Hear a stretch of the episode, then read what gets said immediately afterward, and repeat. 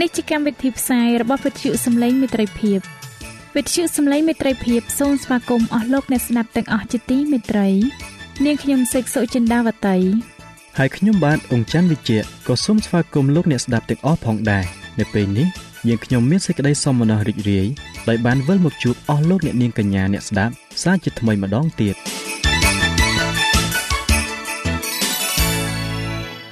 នាងខ្ញុំសេកសុចិន្តាវតី សូមជម្រាបជូនកម្មវិធីផ្សាយដែលមានជាបន្តបន្ទាប់ដូចតទៅនេតិជួបជាមួយព្រះបន្ទូលនេតិសុខភាពចា៎លោកអ្នកស្ដាប់ជាទីមេត្រី នាងខ្ញុំសូមគោរពអញ្ជើញអស់លោកលោកស្រី អ្នកនាងកញ្ញាតាមដានស្ដាប់កម្មវិធីផ្សាយរបស់វិទ្យុយើងខ្ញុំដូចតទៅ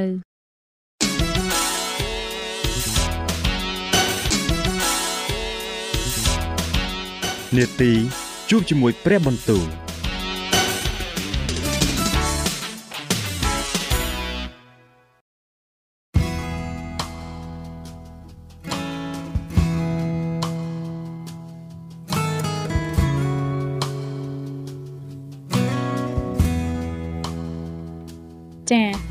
អស់លោកអ្នកស្ដាប់ជាទីមេត្រី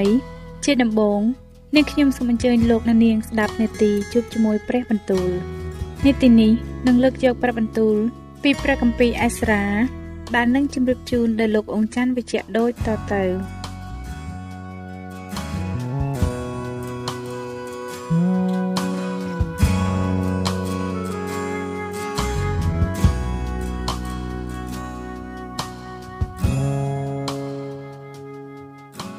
ព្រះគម្ពីរអេសារ៉ាជំពូកទី6ដូច្នេះស្ដេចដារីយ៉ូទ្រង់ចេញបង្គាប់ឲ្យគេក៏ពិនិត្យរកក្នុងមន្ទីរលិខិត ជាកន្លែងដែលរក្សាទុកនៅព្រះរាជទ្រព្យក្នុងក្រុងបាប៊ីឡូនហើយគេឃើញមានក្រាំងមួយ នៅក្នុងព្រះរាជដំណាក់នៅក្រុងអមេថា ជាក្រុងធំខេត្តមេឌីមានសេចក្តីកត់ទុកថា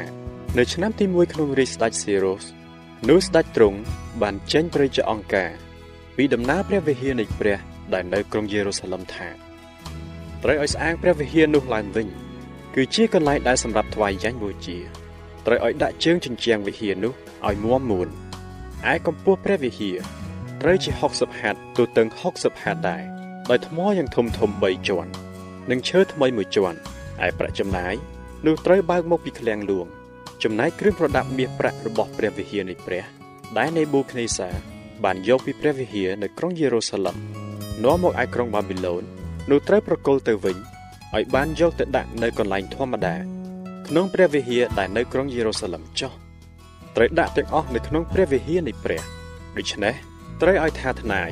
ជាចៅវាយខេតនៅខាងនេះទន្លេ ហើយនឹងសេថាប៊ូស្នាយព្រមទាំងពួកអផាសា ជាគូកនគេដែលនៅខាងនេះទន្លេឃ្លាតឆ្ងាយពីទីនោះទៅកុំឲ្យខាត់ខាំងការស្អាងព្រះវិហារនេះឡើយចូលទុកឲ្យចៅវាយរបស់ពួកយូដា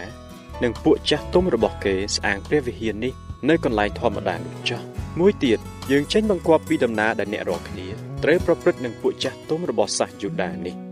សម្រាប់នឹងជួយស្អាងព្រះវិហារនៃព្រះជាយ៉ាងណាដែរគឺត្រូវបើកព្រះរាជទ្រព្យរបស់ស្ដេចពីសួយអកនៅខាងនេះទន្លេដល់អ្នកទាំងនោះទុកសម្រាប់នឹងចំណាយដើម្បីកុំឲ្យមានសេចក្តីអខានការនោះឡើយព្រមទាំងរបស់អ្វីដែលគេត្រូវការផង នោះទាំងកោស្ទៀវ ជាមឈ្មោល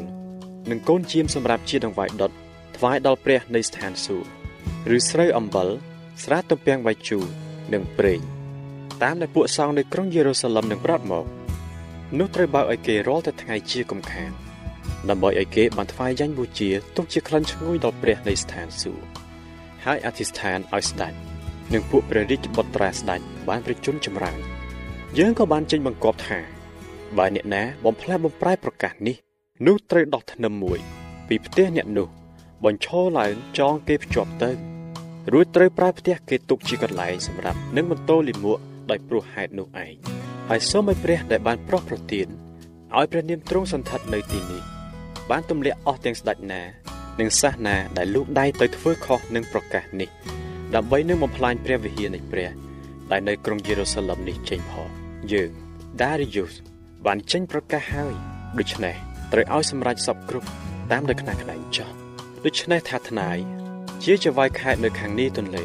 និងសេដ្ឋាបូស្នាយព្រមទាំងពួកគូកនគេក៏ធ្វើដោយខ្នះខ្នែងតាមសេចក្តីដែលស្ដេចដារីយុសបានផ្ញើមកគ្រប់ជំពូកយ៉ាងនោះពួកចាស់ទុំនៃសាសយូដាក៏ស្អាងឡើងដោយមានសេចក្តីចម្រើន ដោយនៅការទីរបស់ហោរាហាកាយនិងសាការី ជាកូនអ៊ីដាវ គេបានស្អាងឡើងដល់រាបដល់ហើយតាមបង្គាប់ផងព្រះនៃសាសអ៊ីស្រាអែលហើយតាមព្រះរាជអង្គការនៃស៊ីរុសដារីយុនិងអ៊ីថាសឺកសេសជាស្ដេចពើស៊ីផងនៅថ្ងៃទី3ខែផលគុណក្នុងឆ្នាំទី6នៃរាជស្ដេចដារីយុនោះព្រះវិហារបានស្អាងឡើងរួចជាស្រេចគ្រានោះពួកកូនចៅអ៊ីស្រាអែលពួកសង្ឃនិងពួកលេវីព្រមទាំងពួកអ្នកដែលត្រូវនាំទៅជាឆ្លើយឯទៀត ក៏នាំគ្នាធ្វើបុណ្យឆ្លងព្រះវិហារនេះដោយអំណរគេបានថ្វាយគោឈ្មោល100ជាមឈ្មោល200និងកូនជាម400ជាដង្វាយឆ្លងព្រះវិហារហើយនឹងពពែ12តាមចំនួនពូជអម្បូរសាសអ៊ីស្រាអែលសម្រាប់ជាដង្វាយលុះបាបនៃពួកអ៊ីស្រាអែលទាំងអស់គេក៏តាំងពួកសង្ឃឡើងតាមផ្នែកពួកគេហើយពួកលេវីតាមវេនសម្រាប់ធ្វើការងារនៃព្រះនៅក្រុងយេរូសាឡឹមដូចជាបានកត់ទុកក្នុងគម្ពីរលោកម៉ូសេហើយឯពួកអ្នកដែលត្រូវនាំទៅជាឆ្លើយនោះ គេក៏ធ្វើបុណ្យរំលងនៅថ្ងៃ14ខែចែកដែរត្បិតពួកសង្ឃនិងពួកលេវីបានសម្អាតខ្លួនទាំងអស់គ្នារួចជាស្រេចគេសុទ្ធតែបានបរិសុទ្ធហើយដូច្នេះគេបានសម្រាប់ជាមសម្រាប់ធ្វើបុណ្យរំលងឲ្យពួកអ្នកដែលបាននាំទៅជាឆ្លើយទាំងប៉ុន្មានព្រមទាំងឲ្យពួកសង្ឃជាបងប្អូនគេនិងខ្លួនគេផងរួចពួកកូនចៅអ៊ីស្រាអែលដែលបានចេញពីសន្តានជាឆ្លើយមកវិញនិងអស់អ្នកដែលបានញែកខ្លួនចេញពីសេចក្តីស្មោកគ្រោករបស់ពួកសាសដតី ដើម្បីនឹងស្វែងរកព្រះយេហូវ៉ាជាព្រះនៃសាសអ៊ីស្រាអែលគេក៏បរិភោគបុណ្យនោះគេធ្វើបុណ្យនំប៉័ងឥតដំបាយអស់7ថ្ងៃ ដោយអំណរត្បិតព្រះយេហូវ៉ាបានធ្វើឲ្យរីករាយសប្បាយដោយបំបាយប្រតិស្ដេចស្រុកអាសឺមកកាន់ខាងគេដើម្បីនឹងចម្រើនកម្លាំងដៃគេ ក្នុងការរបស់ព្រះវិហារនៃព្រះដ៏ជាព្រះនៃសាសអ៊ីស្រាអែលព្រះគម្ពីរអេសារ៉ាចំពុកទី7 ក្រោយការទាំងនោះមកក្នុងរាជអឺថាសឺកសេស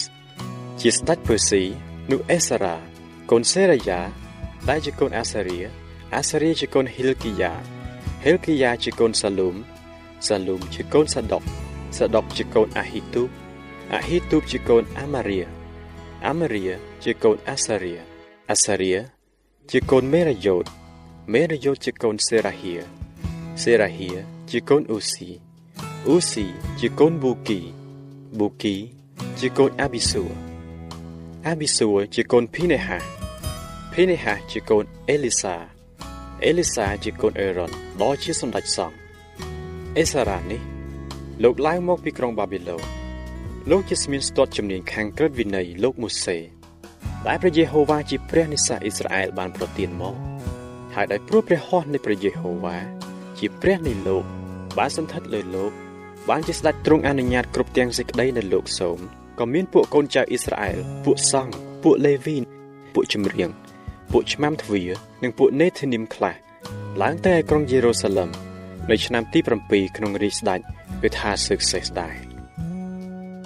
លោកបានមកដល់ក្រុងយេរូសាឡឹមក្នុងខែស្រាបនៅឆ្នាំទី7ក្នុងរាជស្ដេចនោះត្បិតលោកបានចេញពីក្រុងបាប៊ីឡូននៅថ្ងៃ1ខែចែក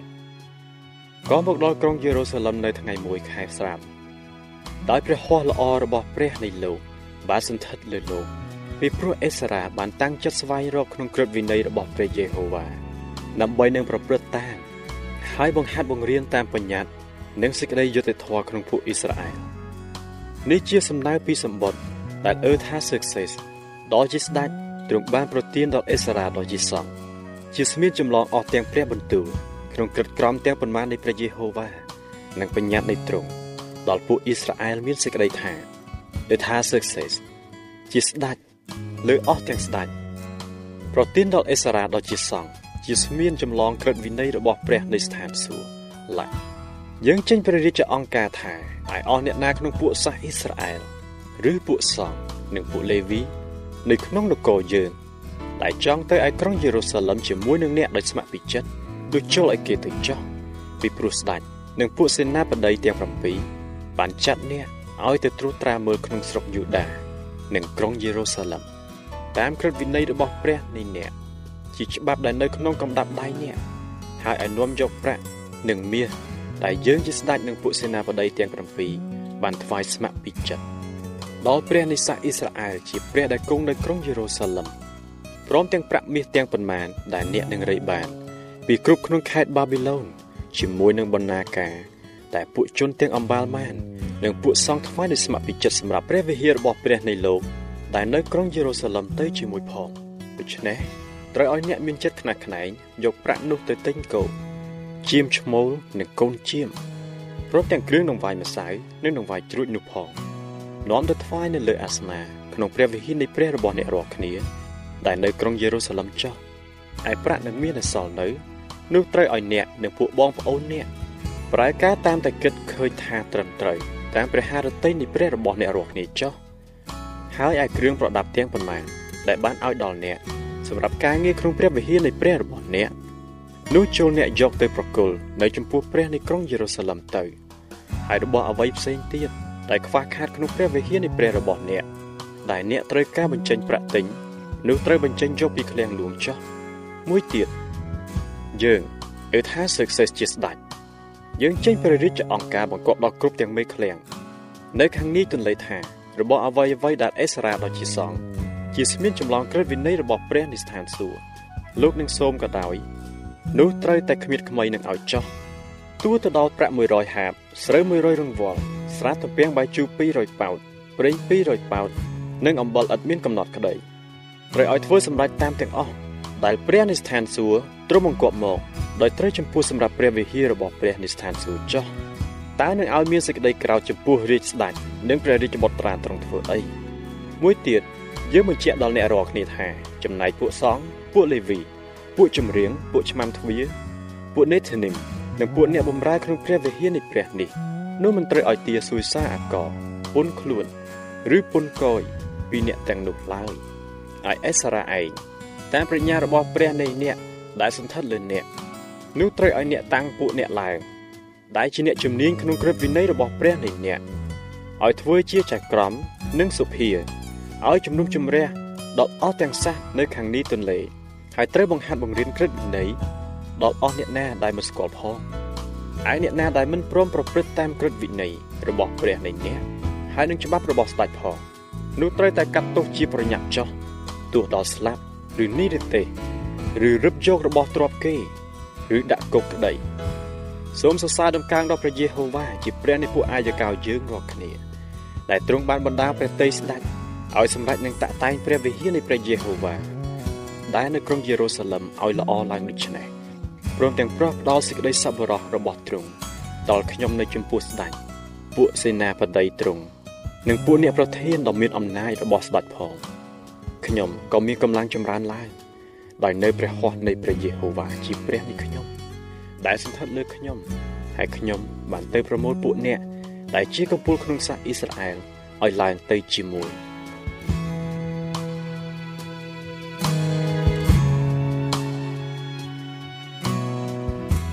ចា៎ប្រិយមិត្តអ្នកស្ដាប់ជាទីមេត្រី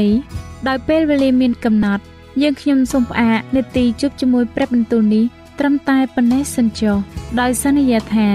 នឹងលើកយកនីតិនេះមកជម្រាបជូនជាបន្តទៀតនៅថ្ងៃស្អែកសូមអរគុណ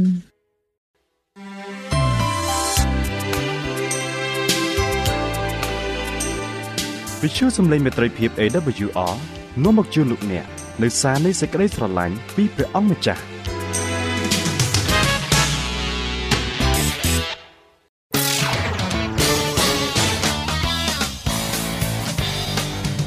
សូមជូន នីតិសុខភាព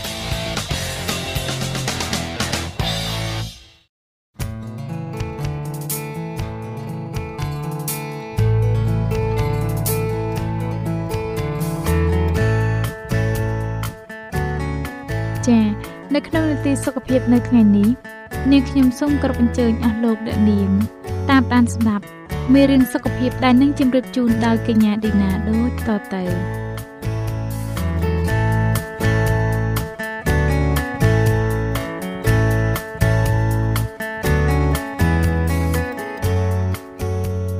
ចា៎នេះខ្ញុំសូមជម្រាបសួរអស់លោកអ្នកស្ដាប់ជាទីមេត្រីសូមឲ្យលោកអ្នកបានប្រកបដោយព្រះគុណនិងសេចក្តីសុខសាន្តអំពីព្រះដ៏ជាព្រះវរបិតានៃយើងហើយអំពីព្រះអង្គម្ចាស់យេស៊ូវគ្រីស្ទនេះខ្ញុំមានអំណរណាស់ដែលវិលមកជួបលោកអ្នកសាជាថ្មីនៅក្នុងនីតិសុខភាពនេះម្ដងទៀតហហើយនៅថ្ងៃនេះនាងខ្ញុំសូមលើកយកមេរៀនថ្មីមួយទៀតដែលមានចំណងជើងថាចំណងអារម្មណ៍ចិត្តស្និទ្ធចាគឺផ្ដោតទៅលើការបញ្ញាចិត្តក្នុងគូស្វាមីនិងភរិយា ចាតើមានកត្តាអ្វីខ្លះដែលធ្វើឲ្យយើងមានភាពជិតស្និទ្ធនឹងគ្នាហើយតើភាពជិតស្និទ្ធមានអត្ថប្រយោជន៍ឬអត្ថប្រយោជន៍យ៉ាងណាខ្លះសម្រាប់បុគ្គលម្នាក់ម្នាក់និងរវាងប្តីនិងប្រពន្ធដូច្នេះនាងខ្ញុំសូមគោរពអញ្ជើញលោកអ្នកតាមដានស្ដាប់មេរៀនសុខភាពរបស់យើងខ្ញុំដែលនិយាយពីចំណងអារម្មណ៍ជិតស្និទ្ធនេះដូចតទៅ ក្នុងឆ្នាំ1858មាននាយប៉ូលីសម្នាក់ឈ្មោះលោក John Gray បានស្លាប់ដោយសារជំងឺរបេងហើយត្រូវបានបញ្ចុះនៅក្នុងបរិវេណវិហារ Greyfriars ក្នុងក្រុង Edinburgh នៃប្រទេស Scotland ។ ឆ្កែតូចរបស់គាត់ដែលជាប្រភេទឆ្កែប្រដេញអំបូរ Skype ឈ្មោះ Bobby មានភក្តីភាពយ៉ាងស្មោះស្ម័គ្រចំពោះម្ចាស់របស់វារហូតដល់វាក្លំចាំមើលផ្លូវម្ចាស់របស់វាទាំងថ្ងៃទាំងយប់អស់រយៈពេល14ឆ្នាំគឺរហូតដល់ថ្ងៃ Bobby ខ្លួនឯងបានងាប់ Bobby បានចាក់ចេញពីបរិវេណវិហារមួយថ្ងៃតែម្ដងប៉ុណ្ណោះនៅពេលលើសំឡេងនាឡិកានៅលើប្រាសាទ Edinburgh ម៉ោង1រសៀលកុដឆ្កែនោះនឹងចេញទៅអាហារដ្ឋាន ដែលវាធ្លាប់ទៅញឹកញាប់ជាមួយលោក John Gray ហើយស៊ីចំណីជាមួយពលបាលត្រីម្នាក់ដែលជាអ្នកបាញ់កំភ្លើងធំដំបូងអ្នកថែរក្សាភ្នោព្យាយាមបណ្ដេញបបពីចេញដែរប៉ុន្តែ នៅទីបំផុតគាត់បែរជាអាណិតអាសូរដល់វាទៅវិញគាត់សង់ជំរកមួយនៅក្បែរក្បែរនោះហើយឲ្យចំណីវាជាប្រចាំបប៊ីមិនដែលទៅណាឆ្ងាយពីភ្នោម្ចាស់របស់វាសំបីមួយយប់ឡើយមិនថាស្ថានភាពអាកាសធាតុអាក្រក់យ៉ាងណាក៏ដោយ គេកប់បប៊ីនៅខាងក្រៅបរិវេណវិហារក្បែរម្ចាស់របស់វាដែរ ឆ្កែមួយក្បាលនេះមានភក្តីភាពគឺជាការបដិញ្ញាចិត្តមួយដែលធំជាងសេចក្តីស្លាប់ទៅទៀតភាពបដូរផ្ដាច់របស់សត្វឆ្កែមួយក្បាលនេះបានប៉ះទង្គិចចិត្តមនុស្សជាច្រើននៅលើទឹកដីនៃប្រទេស Scotland និងប្រទេសដទៃទៀតសប្តាហ៍ថ្ងៃនេះរូបសំណាក់ Bobby នៅឈរនៅក្បែរបរិវេណវិហារ Greyfriars ក្នុងក្រុង Edinburgh ដដែល យើងមានការស្ងើចសរសើរនឹងការបដិញ្ញារបស់សត្វក៏ប៉ុន្តែក្នុងមេរៀននេះយើងនឹងពិចារណាទៅលើការបដិញ្ញាចិត្តមួយដែលនឹងធំជាងនេះទៅទៀតគឺជាការបដិញ្ញារវាងប្តីនិងប្រពន្ធខណៈដែរការបដិញ្ញាចិត្តផ្សេងផ្សេងទៀតក៏មានសារៈសំខាន់ផងដែរដូចជាការបដិញ្ញាចំពោះកូនកូនចំពោះប្រជាម្ចាស់និងចំពោះការងារចិញ្ចឹមជីវិតជាដើមនោះគឺទំនាក់ទំនងដ៏ចម្បងនេះហើយដែលគ្រួសារចាំបាច់ត្រូវមានដើម្បីជាកូនសោឆ្ពោះទៅរកការបដិញ្ញាចិត្តអស់មួយជីវិត។ ប៉ុន្តែតើការបដិញ្ញានេះអាចទៅរួចដែរទេនៅក្នុងពិភពលោកយើងសប្តាហ៍នេះចាពេលនេះនឹងខ្ញុំសូមគោរពអញ្ជើញលោកអ្នកស្ដាប់ពីចំណុចទី1និយាយពីរឿងស្នេហាពិតមួយថ្ងៃមួយបរិមម្នាក់ឈ្មោះឃឹមបានជួបនាង cricket តាមទូរស័ព្ទនៅពេលដែលមានការកំងឈុតកីឡាខ្លះៗសម្រាប់ក្រុមបាល់ទាត់ដែលគាត់បង្វឹកគាត់ជួយចិត្តសម្លេងដែលគាត់បានឮនោះណាក្រោយមកចេះតែទូរស័ព្ទរកគ្នាបន្តបន្ទាប់រួចឈានដល់សរសេរសម្បត្តិ និងបានជួបមុខនឹងគ្នាផ្ទាល់ទៀតផងសេចក្តីស្រឡាញ់ចេះតែលូតលាស់ជាលំដាប់ថ្ងៃមួយនោះក៏មកដល់គឺនៅពេលដែលគាត់ជិះយន្តហោះពីរដ្ឋ New Mexico ទៅកាន់រដ្ឋ California ធ្វើដំណើរទៅកាន់អគារស្នាក់នៅរបស់នាងហើយបានហៅឈ្មោះនាងតោះតានាងចេញមកយកខាងមុខផ្ទះគាត់លុតជង្គង់ចោលហើយហុចផ្កាមួយបាច់ជូននាងខឹមក៏ដណ្ដឹងសួរអូនព្រមរៀបការជាមួយបងទេពីបីខែក្រោយមកពួកគេបានមកលុតជង្គង់នៅឯអាសនា ក្នុងពិធីអាពាហ៍ពិពាហ៍ដ៏គួរឲ្យស្រឡាញ់មួយហើយបានសន្យារួបរวมជីវិតជាមួយគ្នាមិនមិនថាសុខឬទុក្ខឈឺឬជាយើងនឹងរួមរស់ជាមួយគ្នារហូតដល់ថ្ងៃស្លាប់ភ្លាមភ្លាមបន្ទាប់ពីក្រេបទឹកមុំរួចគូស្វាមីភរិយាបានធ្វើដំណើរតាមដងផ្លូវធំមួយពេលមេឃចាប់ផ្ដើមងងឹតពួកគេបើកបរកាត់ផ្សែងអាប់ដែលមើលមិនសូវច្បាស់ហើយបានជ្រុលទៅបុករថយន្តដឹកទំនិញមួយរួចរែទៅប៉ះរថយន្តមួយទៀតពីចំហៀង រថយន្តដ៏តូចរបស់ពួកគេបានខ្ទាតចម្ងាយ30ម៉ែត្រផ្កាជើងឡើងលើខួរក្បាលរបស់នាង Cricket បានទទួលរងការប៉ះទង្គិចយ៉ាងធ្ងន់ធ្ងរហើយទោះបីជានាងបានរួចផុតពីសេចក្តីស្លាប់យ៉ាងណាក្តីរបួសរបស់នាងបានធ្វើឲ្យខ្សោយដល់មុខងារខួរក្បាលផ្សេងផ្សេងដោយរាប់បញ្ចូលទាំងការចងចាំរយៈពេលខ្លីដែលបណ្ដាលឲ្យមានបញ្ហាដល់សម្ព័ន្ធមេត្រីរបស់នាង ជាអកុសលនាង Cricket លេងចំណាំប្តីរបស់ខ្លួនបានទៀតហើយពេលបង្ហាញរូបភាពអាពាហ៍ពិពាហ៍គេទាំងពីរនាងបែរជាមើលរូបនោះដោយការងឿងឆ្ងល់ទៅវិញឱកាសនិងអត្តន័យរបស់រូបនោះហាក់មិននៅក្នុងសតិរបស់នាងសោះនៅពេលដែលនាងបានធូរស្បើយល្មមអាចទៅផ្ទះបានហើយនាងមិនអាចចំណាំអ្វីសោះអំពីអគារស្នាក់នៅរបស់ពួកគេទាំងពីរបញ្ហាមួយទៀតនោះគឺថានាងមានកាយវិការដូចជាក្មេងមិនទាន់នឹងក្តីម្នាក់ដែលពិបាកគ្រប់គ្រង ការផ្ទុះកំហឹងរបស់នាងគឺមិនដូចនាង cricket ដែលគឹមបានស្គាល់និងស្រឡាញ់ពីមុនសោះចាតើអភិបពាដ៏ថ្មងថ្មីរបស់ពួកគេនឹងបន្តរួចពីវិបត្តិនេះដែរឬទេកលៈទេសៈគួរតែអាចទៅជាអាក្រក់ជាងនេះប៉ុន្តែក្នុងគ្រាដែលក្តីសុបិនត្រូវអាប់អួរទាំងពីរអ្នកនេះសុកចិត្តត្រឡប់ទៅរកពាក្យសច្ចាមិនកែប្រែដើមវិញការចងចាំរយៈពេលខ្លីរបស់ cricket បានបាត់បង់មែនតែការចងចាំរយៈពេលវែងនៅមាននៅឡើយ នាងធំដឹងក្តីឡើងតែងជឿថាអភិភិភាគឺជារឿងយូរអង្វែងជារៀងរហូតហើយនាងបានសន្យានឹងព្រះជាម្ចាស់ថានឹងស្មោះត្រង់ចំពោះអភិភិភានិងស្មោះត្រង់ចំពោះអភិភិភារបស់នាង តាំងពីមុនពេលជួបឃឹមទៅទៀតហើយចំណែកឯឃឹមវិញបន្តនៅទីនោះធ្វើជាអ្នកថែទាំនៅក្នុងមន្ទីរពេទ្យនិងនៅក្នុងផ្ទះ ជាគ្រូបង្វឹកម្នាក់គីមមិនដែលជាមនុស្សបោះបង់ចោលងាយងាយទេ ហើយគាត់គឺជាមនុស្សដែលមិនភ្លេចសន្យាខ្លួនគីមស្វាស្វែងរកអ្នកប្រឹក្សាយោបល់ជំនាញពួកគេបានពិភាក្សាអំពីកត្តាដែលធ្វើឲ្យនាង cricket លងស្នេហ៍ជាមួយគីមក្នុងគ្រាដំបូងទីបំផុតគីមក៏យកកិច្ចការដែលត្រូវធ្វើគឺគាត់នឹងត្រូវចាប់ផ្ដើមជាថ្មីហើយយកឈ្នះចិត្តនាងមកវិញឲ្យបានគាត់ចាប់ផ្ដើមចែកចង់នាងសាដើម ឃីមបានស្រឡាញ់នាង cricket តាមដែលគាត់ធ្លាប់ស្គាល់ហើយគាត់ក៏ស្រឡាញ់នាងក្នុងសភាពបែបនេះទៀតគាត់យល់ថាស្ត្រីគ្រប់រូបគួរទទួលបានឱកាសពិសេសដើម្បីចងចាំទុកនៅថ្ងៃទិវានៃសេចក្តីស្រឡាញ់ឃីមក៏លុតជង្គង់ម្ដងទៀតហើយបានប្រកបបាច់ផ្កាមួយបាត់ទៅឲ្យនាង cricket ហើយបានស្នើសុំឲ្យនាងធ្វើជាកូនក្រមុំរបស់គាត់បើនាងមិនអាចចងចាំអពាហ៍ពិពាហ៍លើកមុនរបស់ពួកគេទេ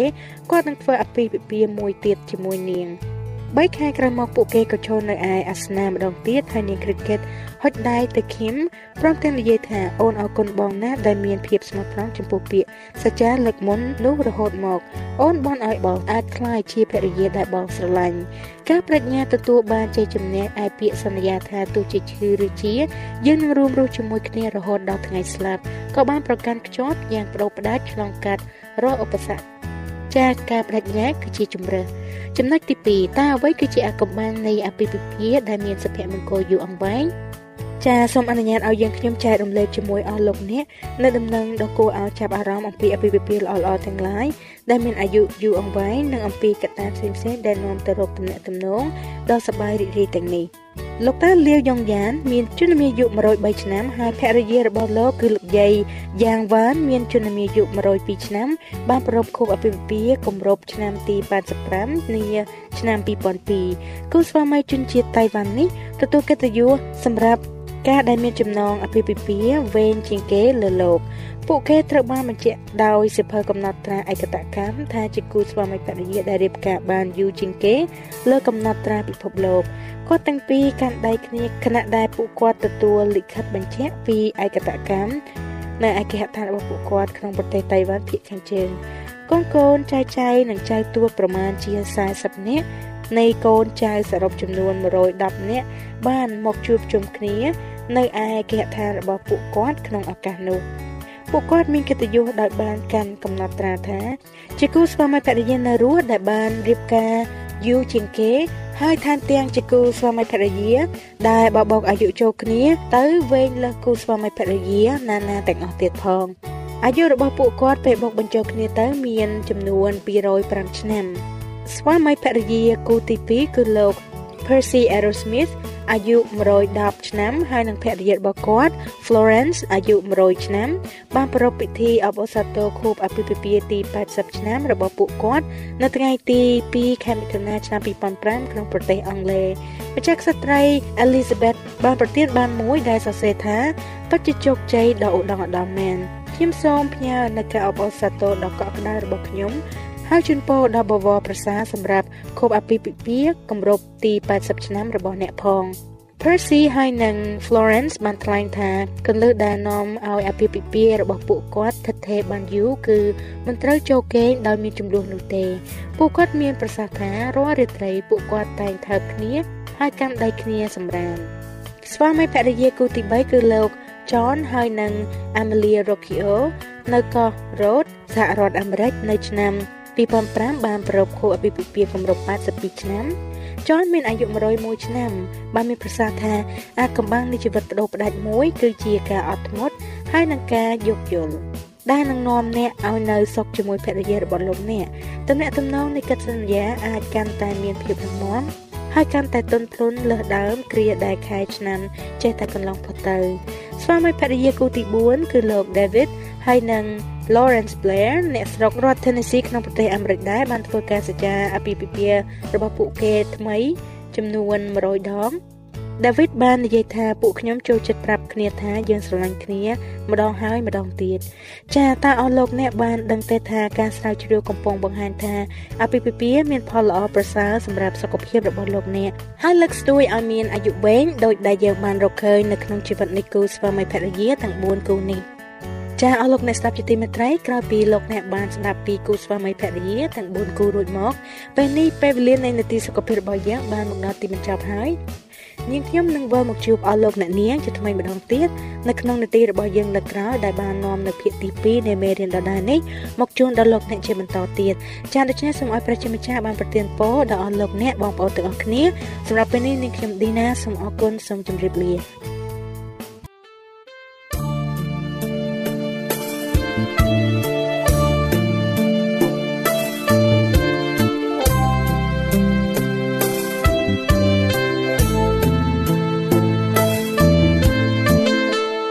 បើសិនជាលោកអ្នកមានសំណួរឬសំណុំពរអ្វីសូមតាក់ទងមកការិយាល័យវិទ្យុយើងខ្ញុំ តាមអាស័យដ្ឋានផ្ទះលេខ15ផ្លូវលេខ568សង្កាត់បឹងកក់2ខណ្ឌទួលគោករាជធានីភ្នំពេញលោកអ្នកក៏អាចសរសេរសម្បត្តិផ្ញើមកយើងខ្ញុំ តាមរយៈប្រអប់សម្បត្តិលេខ488ភ្នំពេញឬតាមទូរស័ព្ទលេខ012 34 96 64ឬ097 80 81 060ឬក៏តាមរយៈអ៊ីមែល vol@awr.org យើងខ្ញុំរងចាំទទួលស្វាគមន៍អស់លោកអ្នកនាងដោយក្តីសោមនស្សរីករាយហើយលោកអ្នកក៏អាចស្ដាប់កម្មវិធីនេះឡើងវិញ ដោយចូលទៅកាន់ website របស់វិទ្យុយើងខ្ញុំ តាមរយៈអាស័យដ្ឋាន www.awr.org